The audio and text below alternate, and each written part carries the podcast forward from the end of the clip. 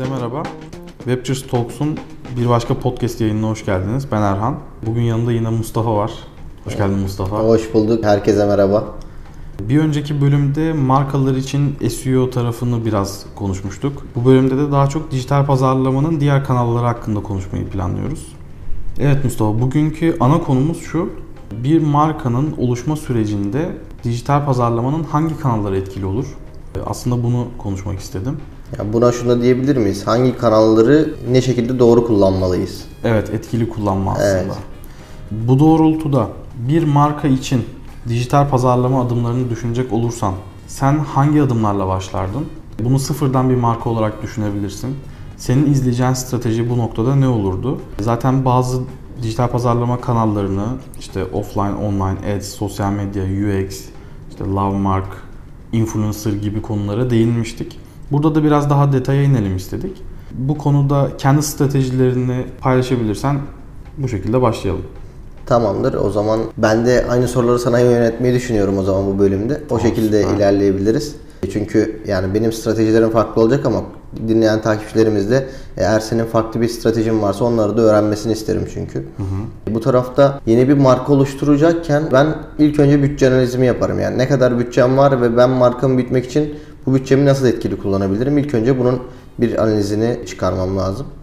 Burada da tabii ki e, ilk başta ben kendi markamı nasıl büyütebilirim? Kullanıcılara ulaşarak nasıl dönüşüm elde edebilirim? Markamı önce nasıl konumlandıracağım? Yani ben bir e-ticaret sitesi mi açacağım yoksa kurumsal tarafta offline olan mağazamı tanıtıcı şekilde mi online tarafa geçeceğim? Bunu analiz etmem gerekiyor. E, E-ticaret olduğunu varsayarak ilerleyelim istersen. E, Çünkü artık günümüz online mecralarda e-ticaret üzerinden ilerliyor. E-ticaret sitesi açacak olsam ilk önce tabii ki bir web sitesi olması gerekiyor. Bu web sitesini en uygun ve en stabil çalışabilecek şekilde belli bir miktar yatırım yaparak yayın alınmasını sağlarım. Bundan sonra ikinci adıma geçiyor. Yani bu web sitesini kullanıcılara ulaştırmak. Kullanıcılara ulaştırmak için ilk başta küçük bütçelerle büyük dönüşümler elde etmeye çalışırım. Yani büyükten kastım nasıl? Şu şekilde parça parça halinde tüm bütün olarak. Yani SEO tarafına bakacak olursam ilk başta rekabeti olmayan daha düşük aranma hacmi olan kelimelerle ama bu kelimelerden 100 tane çıkartarak örnek veriyorum. Bir tane büyük, bir tane çok fazla aranma hacmi olan kelimeye odaklanmak yerine birden fazla düşük aranma hacmi olan kelimelere odaklanabilirim. Çünkü sistem yeni açıldığı için e, çok fazla marka belirliliği de yok ve o rekabete dahil olmam çok zor. Bunun haricinde aynı şekilde Ads tarafına da daha tıklama başı maliyeti düşük olan kelimelere ama bana doğrudan dönüşüm getirebilecek kelimelere odaklanabilirim. Bunu örnek verecek olursam bir ayakkabı sitesi olduğunu varsayıyorum. Ayakkabı sitesinde doğrudan spor ayakkabı gibi kelimelere reklam vermek yerine kırmızı Air Max ayakkabıya ya da kırmızı Nike 41 numara ayakkabı gibi kelimelere e, reklam verebilirim. Çünkü onların tıklama başı maliyeti daha düşük olacaktır ve doğrudan arayan kullanıcıya hitap ettiği için tıklayıp doğrudan dönüşüme ulaşması daha kısa vadede olacaktır. Bu nedenle benim için daha düşük bütçeyle doğrudan hedefe ulaşmış olacağım. Ads için aslında belli bir bütçeye ihtiyacım var. Evet tabii ki. Ee, o yüzden sıfırdan bir web sitesi için ve biraz daha düşük bütçeli bir web sitesiysen buna bütçe ayırman zor olur. Hani bu noktada yine hiyerarşik sıralaman bu mu olurdu? Ne yapar ne eder ben buna Yani bütçe bulurum mu derdin? Şöyle aslında yani yeni bir marka açıyorsak aslında tamamını kullanmaya çalışmalıyız. Ee, neden? Çünkü kullanıcılar bizi bilmiyor ve güvenmesi lazım. Sadece organik çalışırsam yeni açılan bir web sitesi anahtar kelime rekabeti düşük olsa da yine belli bir süreçte sıralamada görünmeye başlayacaktır. Yani yine 1-2 gün içerisinde görünmeyecektir. Bu yüzden ben hızlı bir yatırım yaptığım parayı geri döndürmek için yani dönüşüm elde edebilmek için mecburen bir başka şeylere de yatırım yapmam gerekiyor. O yüzden en başta bütçe planlaması yapmam gerekiyor dediğim buydu. Yani reklama da bütçe ayıracak şekilde en başta bütçe planlaması yaparsanız bu yola çıktığınız zaman daha az tıkanarak yani bütçeye bağlı kalmadan hareket edebilirsiniz.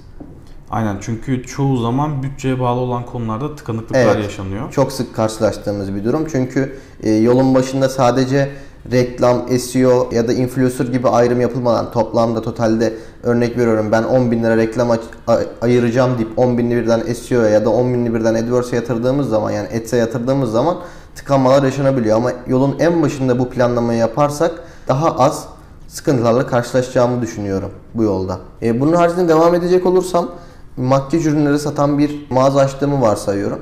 Burada da nasıl bir yol izlerdim? Burada ben günümüz şartlarında influencer marketing kısmına bütçemi diğerlerine göre bir tık daha fazla ayıracağımı düşünüyorum. Çünkü artık günümüzde e, fenomenler çok fazla takip ediliyor ve büyük satışlar bile onların üzerinden gerçekleştiriliyor diyebilirim.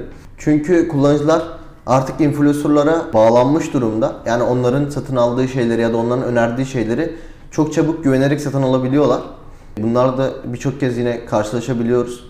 E, bu tarafta eğer bir kozmetik ürünü satıyorsam dediğim gibi e, influencerlar benim için birinci sıralama olur. Bunun haricinde yine eşit şekilde de SEO ve Ads'e de bütçe ayırmaya çalışırım. Ama tabii ki şöyle bir şey var. E, influencer marketing'e baktığımız zaman o taraf gerçekten büyük e, miktarlar, büyük meblağlar isteyen kısımlar ama bu tarafta doğrudan 100 bin, 200 bin, 300 bin takipçili olan hesaplar yerine daha düşük bütçeli ve bana doğrudan e, dönüşüm getirebilecek alakalı e, influencerları bulmam gerekiyor. Yani örnek veriyorum bir vlogger'a gidip benim kanalımı tanıt demek yerine doğrudan makyaj videoları çeken bir influencer'a gidip benim web sitemden ürünleri satın alabileceğini söyleyebileceği bir video için anlaşmak bana doğrudan dönüşüm sağlayacaktır. Çünkü günlük bir vlogunu çeken kullanıcının kitlesi tamamen farklıyken sadece makyaj videoları çeken bir influencer'ın kitlesi tamamen bambaşka.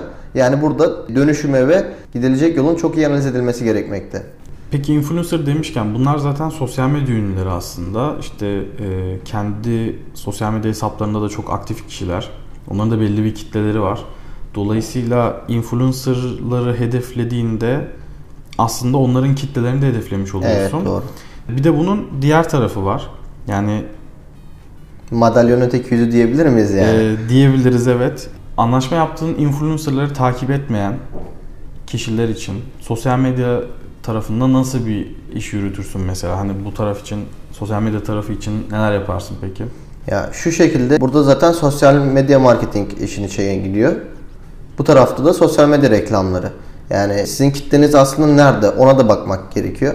Yani sizin kitleniz örnek veriyorum kurumsal bir ürün satıyorsanız doğrudan LinkedIn'dir. Ama eğer dediğim gibi az önce kozmetik bir ürün satıyorsanız sizin kitleniz Instagram ve YouTube'dur. Bu tarafta çok iyi analiz edilmesi gerekiyor bu tarafında dediğim gibi. Yani yolun her aşamasında bir analiz var. O yüzden bu analiz en başta gerçekleştirilirse çok çok daha iyi verimler alınabilir. Ama tabii ki bunun için de uzman kişilerden yardım alınması gerekiyor. Soru, soruya tekrar gelecek olursam sosyal medyada düşük bütçelerle çok büyük işler başarılı biliyor.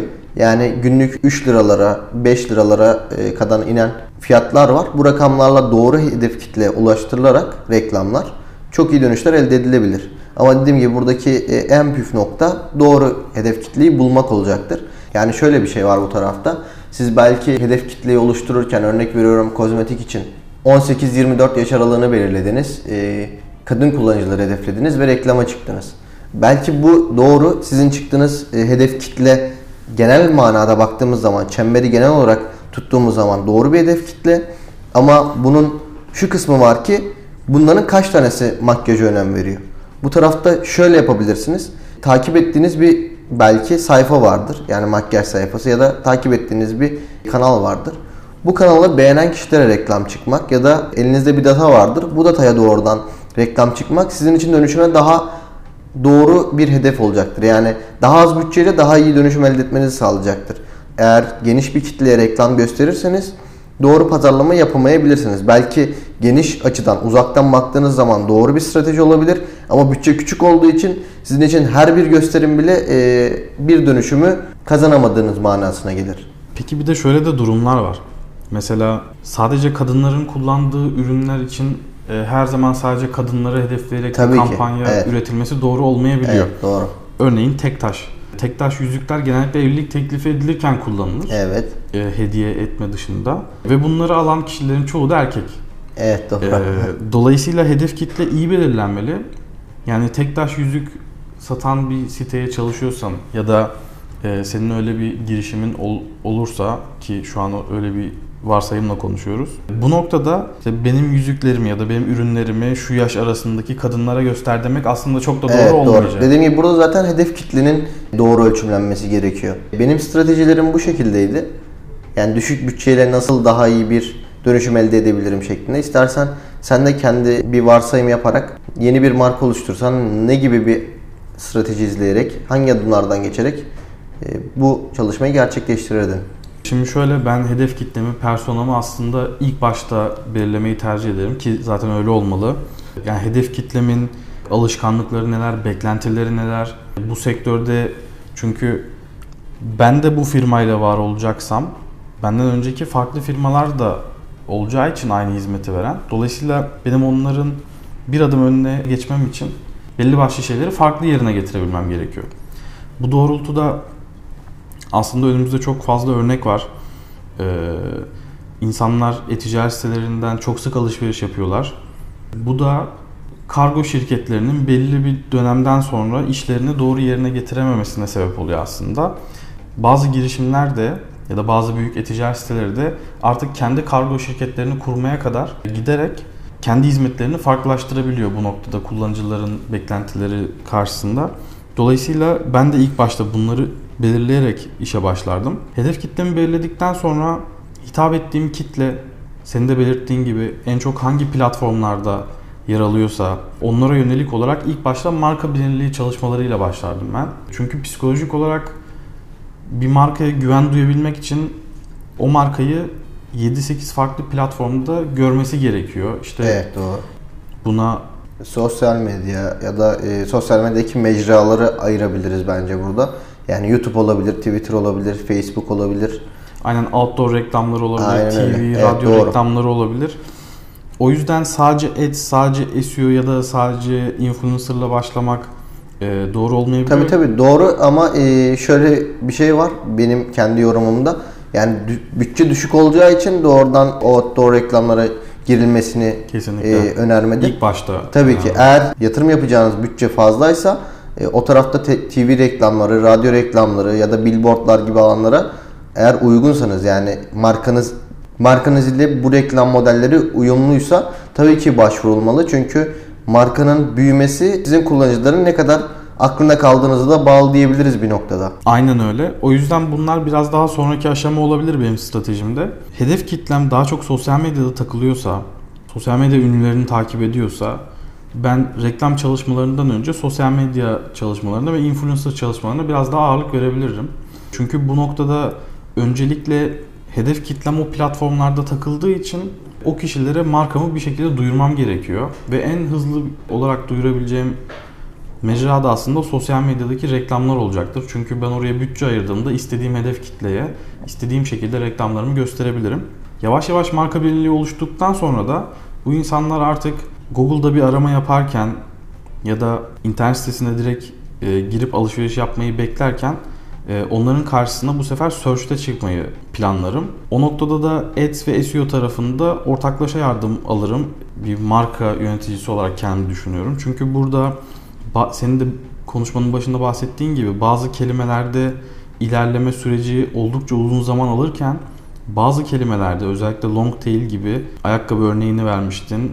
Bu şekilde yapılan hedeflemeler direkt olarak hedef kitlenin aradığı ürünü karşısına çıkmasını sağlıyor. Dolayısıyla daha jenerik kelimelerde ben de Google reklamlarıyla çalışmaya, long tail kelimelerde de SEO çalışmalarıyla aslında desteklemeye gayret gösterirdim. Bu şekilde Instagram tarafında ya da sosyal medya tarafında hedef kitleme yönelik influencerlar ve sosyal medya reklamları yardımıyla markamı gösterebiliyorken aynı kişilere arama motorlarında yaptığı aramalarda da karşısına çıkmayı amaçlardım.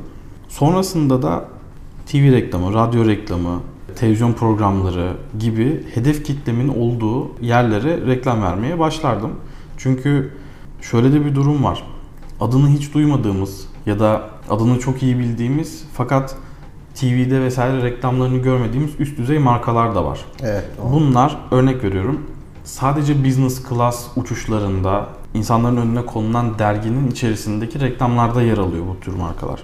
İşte genellikle 50-100 bin dolarlık bir saati zaten TV reklamı verilse buradan çok fazla bir dönüşüm olmayabilir. O marka da çok iyi tanınabilir. Ama sürekli business class uçan, yalısı olan, teknesi olan, helikopteri olan kişiye aslında direkt hedeflemek de bazen doğru olabiliyor. O yüzden her aşamada dijital pazarlamayı da markaya göre offline tarafı da değerlendirecek şekilde ekstra kurguda yapmak gerekebilir.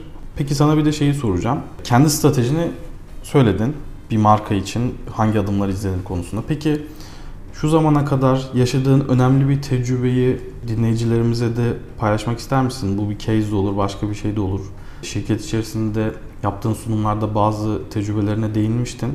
Burada da en azından bir tanesine değinebilirsen herkesin bilgi sahibi olmasını sağlayabiliriz. Tamamdır. Birden fazla case var aslında tabii ki farklı farklı. Çünkü her projede farklı bir deneyim elde ediyoruz ama karşılaştığım e, ve tüm sitelerin karşılaşabileceği türden bir case'i sizinle paylaşayım. Çalışma gerçekleştirdiğim ve danışmanlık verdiğim bir firmanın e, log kayıtlarını sunucu tarafından aldım. E, daha sonra log kayıtlarını incelerken fark ettim ki web sitesinde bir 404 sayfası oluşturulmuş.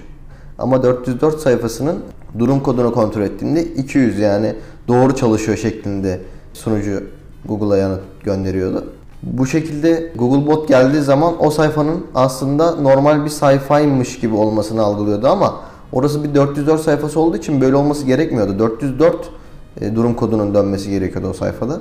Bu tarafta da log kayıtlarını kontrol ettim de bu sayfaya Google Bot çok fazla kez girmiş. Yani Ana benim sayfadan sonra en sık ziyaret Evet, aynen sayfa. öyle. Ana sayfadan sonra en sık ziyaret edilen sayfa bu olarak görünüyordu. Ben buna çok şaşırmıştım. E, danışmanlık verdiğim firmayla görüştüm. Onların da haberi bile yokmuş böyle bir sayfa olduğundan.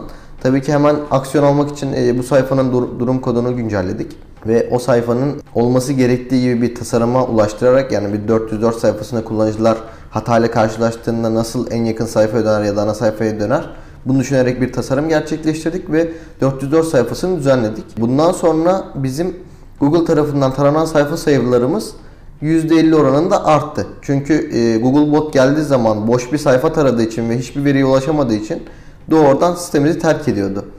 Ve e, bizim tüm Google tarafından ayrılan süremiz boşa gidiyor diyebilirdim. Bu, bu tarafta böyle bir düzenleme yaptık ve taranan sayfalarımızda yaptığımız güncellemeler. Bu düzenlemeyi yaptıktan sonra normal diğer sayfalarda yaptığımız güncellemeler Google tarafından daha hızlı görünmeye başladı. Çünkü hiç gelmediği, uğramadığı sayfalarımız vardı Google Bot'un. Çünkü diğer bu sayfamıza vakit ayırdığı için diğer sayfaları gezmeye vakit kalmıyordu. Bu şekilde anlatabilirim. Danışmanlık verdiğim farklı bir ticaret sitesi için de bir case anlatayım o zaman. Danışmanlık vermiş olduğum müşterinin önem verdiği iki tane ana ürün vardı. Bu ana ürünlerden bir tanesinin ücreti yüksek, e, bir tanesinin ücreti ise düşüktü. Bu tarafta tabii ki e, danışmanlık verdiğim firma ücreti yüksek olana önem veriyordu. Çünkü onun dönüşümü daha fazlaydı. Bu tarafta yine ben bir log kaydı incelemesi gerçekleştirdim. Baktığım zaman site içerisinde yapılan linklemeler ve düzenlemeler doğrudan ücreti düşük olan sayfaya göre yapılmış ve Google Bot bu sayfayı çok çok fazla kez ziyaret ediyor ve bu tarafta yapılan değişiklikler hemen Google tarafından görünüyorken ücreti yüksek olan sayfada bir değişiklik yaptığımız zaman günlerce beklediğimiz veya da haftalar sonra Google tarafından fark edildiğini gördüm. Bu tarafta site içerisinde olan link inşalarını doğru şekilde kurgulayarak tekrardan bir link stratejisi oluşturdum. Bundan sonra tekrar bir analiz yaptığım zaman Google Bot'un bu sefer ücreti yüksek olan ürünümün daha fazla ziyaret ettiğini ve yaptığım o sayfadaki güncellemeleri anında gördüğünü fark ettim ve bu bize ciro anlamında çok büyük katkı sağladı. Çünkü SEO için yaptığımız düzenlemeler sitenin zaten yükselmesi için bir dönem beklememizi gerektirirken bir de yaptığımız düzenlemelerin Google tarafından geç görülmesi bize çok fazla süreye mal oluyordu. Hı hı. Bu süreyi olabildiğince minimum tutmaya çalıştığımız için de yaptığımız güncellemenin Google tarafından doğal olarak taranmasını en kısa indirmemiz gerekiyor. Ya benim karşılaştığım durumlar e, ve case'lerim bu şekildeydi. İstersen sen de karşılaştığın bir durumu anlatabilirsen dinleyicilerimiz o bilgilerden de faydalanabilir. Tabii olur. Benim de aslında karşılaştığım birçok case var ama bir önceki yayında UX'e değinmiştik. Bu yayında da UX'e dair bir örnek vereyim o zaman. Anne bebek ürünleri satan bir markaya çalışıyorduk. O markada bir mama sayfasında en çok trafik aldığımız sayfadan aslında en çok çıkış yapılan sayfa olduğuna denk geldik. Bunun sebeplerini araştırdığımızda insanlar siteye giriyor ve kısa bir süre durup siteden çıkıyor. Yani bunu daha detayına inmeye karar verdik. Çünkü bakarak anlaşılacak bir şey değildi. UX analizlerini devreye soktuk. Bu noktada sayfaya giren kullanıcıların mouse hareketlerini takip ettik ve siteye eklenen Mama'nın son kullanma tarihinin o anki tarihten daha eski olduğunu yani son kullanma tarihin geçtiğini fark etmiştik. Zaten mouse hareketlerini incelediğimizde de kullanıcılar giriyor, ürüne bakıyor. Daha sonrasında sepete ekleyecekken sepet butonunun üstündeki son kullanma tarihinde mouse'u hareket ettiriyor ve sayfadan çıkıyor. Dolayısıyla yapılmış olan bu hatadan sonra direkt olarak son kullanma tarihini düzelttirdik ya da son kullanma tarihini komple kaldırmıştık. Ama e, bildiğim kadarıyla o ürünün son kullanma tarihi normalde geçmemiş. Evet, Sadece evet, güncellenmesi. geçmemişti. Sadece güncellenmemiş. Dolayısıyla daha sonrasında da kafa karışıklığı yaratmaması adına biz son kullanma tarihini komple kaldırmıştık. Bu hatayı düzelttiğimizde bile yaklaşık %35 oranında bir dönüşümü arttırmayı başardık. Bu da benim bahsedeceğim bir tane örnek case olsun. Bir de yavaş yavaş yayınımızın sonuna geliyoruz. Ben 10 soruluk bir soru cevap hazırladım. Şimdi bunları sana hızlıca yönelteceğim. Sen bir tanesini sadece tercih edeceksin. Herhangi bir yorum yapmana da gerek yok ama tabii ki tercih ettiğini de söyleyebilirsin. E-ticaret siteye çalışmak mı, kurumsal siteye çalışmak mı? E-ticaretteki dinamikler bana daha yakın geliyor. O yüzden e-ticaret demek istiyorum. Tamam süper. Peki trafik mi dönüşüm mü? E-ticarete çalıştığım için mecburen dönüşüm demek zorundayım Dönüşüm, burada. Güzel. Gösterim mi tıklama mı? Tabii ki tıklama. Birinci sıra mı feature snippet mı? Şöyle e-ticaret sitesini seçtiğim için mantıken düşündüğüm zaman Feature Snippet biraz daha benim için ikinci planda kalıyor. Çünkü Feature Snippet biraz daha bilgiye dayalı bir kısım olduğu için bilgi veren siteler genelde Feature Snippet'ta çıkıyor. O yüzden kurumsal bir site çalışsaydım e, çıkmak istediğim nokta Feature Snippet olurdu ama e-ticarete çalışmayı tercih ettiğim için birinci sıra diyorum bu soruya. Süper. Deep crawl mu, SEMrush mı? Deep Crawl. Müzikli çalışma mı, sessiz ortamda çalışma mı? E, bu ruh haline göre değişken aslında ama müzikli çalışma bir tık daha önde. Mac mi, Windows mu? Mac. Müşteri toplantısı mı, satış toplantısı mı? Çok ortada bir soru. Eee, Bunu nasıl cevaplayacağımı bilmiyorum ama müşteri toplantılarını biraz daha çok seviyorum. Çünkü normal devam eden bir müşteri olduğu için onunla aramdaki diyalog daha iyi oluyor. O yüzden müşteri toplantısı bir tık daha yakın. Telefon mu, mail mi? Bu da son sorumdu. Mail tabii ki çünkü telefona sürekli bakamıyoruz. Bir işe odaklanmış oluyoruz. Telefonu o an açamayabiliyoruz ya da dikkatimizi dağıtabiliyor. O yüzden mail e, her zaman için daha sağlıklı diyebilirim. Tamamdır Mustafa, teşekkürler. E, rica ederim. Benim açımdan çok güzel bir sohbet oldu. Dijital pazarlamanın diğer kanallarına da değinmiş olduk. Webchers Talks'un bu podcast yayınını da burada sonlandırıyoruz. Dinlediğiniz için teşekkür ederiz. Bir sonraki yayınlarda görüşmek üzere.